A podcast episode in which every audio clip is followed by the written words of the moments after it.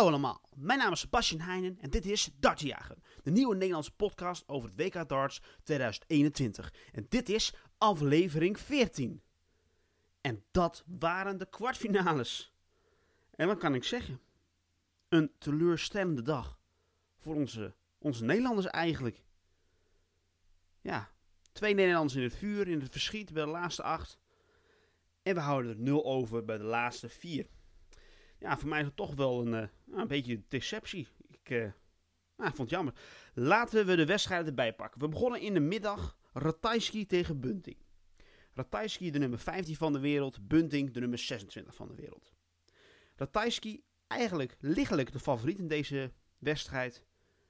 Ja, wat kan ik zeggen? Ja, hij, hij, ja, hij kwam gewoon niet aan de pas in het begin van de wedstrijd. Hij kwam heel snel met 3-0 achter in sets. De vierde set deed hij wat terug en pakte hij ja, toch weer een setje. Werd het 3-1. Maar Bunting pakte zo wel weer de zesde set. Werd het 4-2 voor Bunting. En zo kon eigenlijk Bunting deze wedstrijd gaan uitzingen. Maar Ratajski die leverde weer wat op. Pakte de 4-3 in sets. Maar uiteindelijk in de zevende set. Ik bedoel, de achtste set dus dan. Pakt Bunting de set met 3-0. En zo wint hij de wedstrijd met 5-3. En zo is Bunting, Steve Bunting uit Wolverhampton, is de eerste halffinalist van dit WK van 2021 en mag zo 100.000 pondjes op zijn bankrekening gaan bijschrijven. De ex-wereldkampioen voor de BDO, ja, zit gewoon bij de laatste vier. Dat had niemand verwacht, denk ik. Ik bedoel, nummer 16 van de wereld. Ja, erg leuk. Dan komen we bij de tweede wedstrijd van de middag. Dat was Gary Anderson tegen Dirk van Duivenbode. Onze Dirk, de nummer 43 van de wereld. Op de op schone um, wereldranglijst, maar na de wereldkampioenschap, staat hij al in de top 32. Erg leuk om te weten. Gary Anderson, de nummer 13 van de wereld, is toch lichtelijk de favoriet in dit, uh, deze wedstrijd. En dat bleek ook. Maar Dirk pakte de eerste set. Ik dacht, oh, hij gaat lekker, hij gaat lekker. Maar de tweede set pakte eigenlijk Gary Anderson makkelijk. En de derde set ook met 3-0. En de vierde set ook met 3-0. Zo pakte Gary Anderson wel 8 tot 9 legs achter elkaar. In de vijfde set pakte Dirk eindelijk weer een lekkie, maar de set verloor hij. Zo stond hij met 4-1 achter. Toen was er weer een break. En toen kwam de zesde set en ik dacht van, ah, misschien kan hij nog terugstomen, maar verloor de set met 3-2. En zo verliest hij de wedstrijd met 5-1. Ja, wat kan ik zeggen? Ja, Gary Anderson gooide 101 gemiddeld, dus dat is gewoon prima. Dirk gooide 94 gemiddeld, dat is ja, toch stukken lager dan eigenlijk de wedstrijden voorheen in dit uh, WK. Erg jammer. Dirk, goed toernooi gespeeld, heeft zich laten zien. Top 32 binnengestormd. Maar ja, de laatste acht is het eindstation. Hij mag al 50.000 pondjes bijschrijven. Ik denk dat hij daar ja, heel tevreden mee is. Dat is echt een smakgeld. Maar de halve finales moeten nog maar wachten. Maar het begin van dit jaar is er. En we gaan zien wat Dirk dit jaar allemaal kan gaan doen. Toen gingen we naar de avondsessie. De avondsessie begon met Gerben Price tegen Gurney. En Gurney, ja, de nummer 11 van de wereld. Price nummer 3 van de wereld.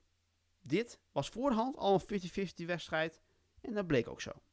De eerste twee sets gingen vrij gemakkelijk naar Price. Zoals met Price een 2 nog voor.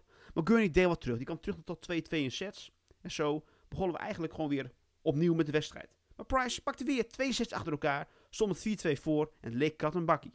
Maar Gurney kwam weer terug naar 4-4 in sets. En zo gingen we in alles een beslissende negende set spelen. En ook hier ging het gelijk op.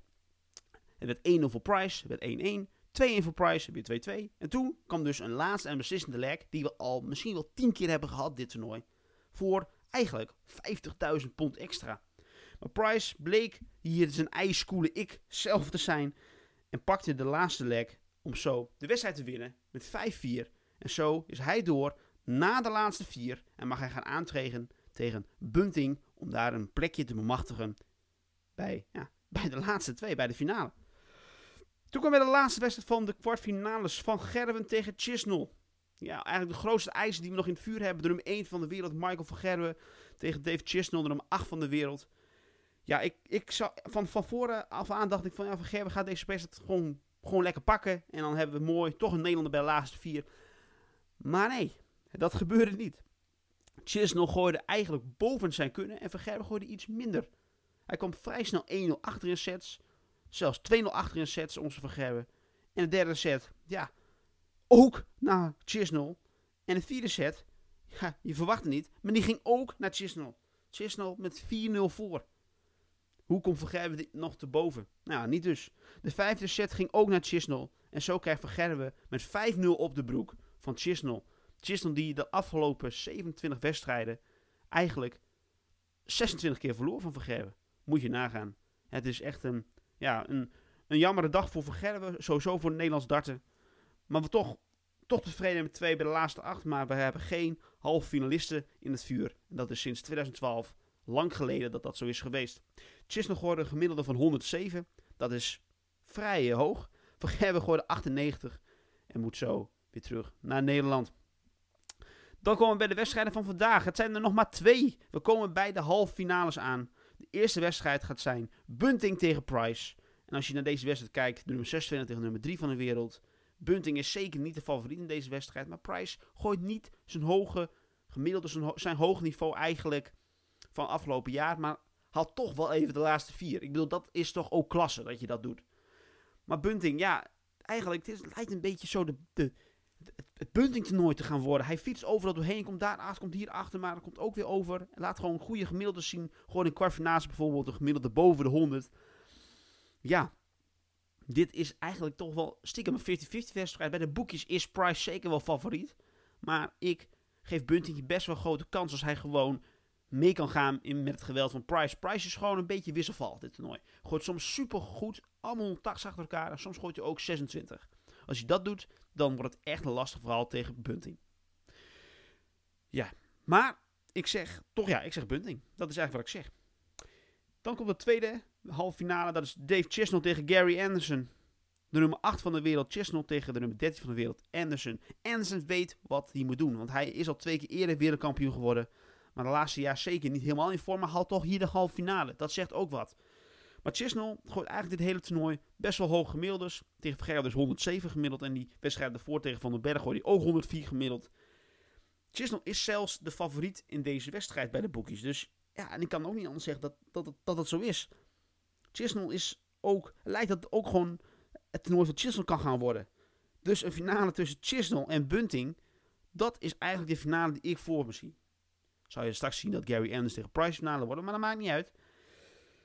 Ja, dan wens ik jullie vandaag een hele fijne dag. Veel kijkplezier.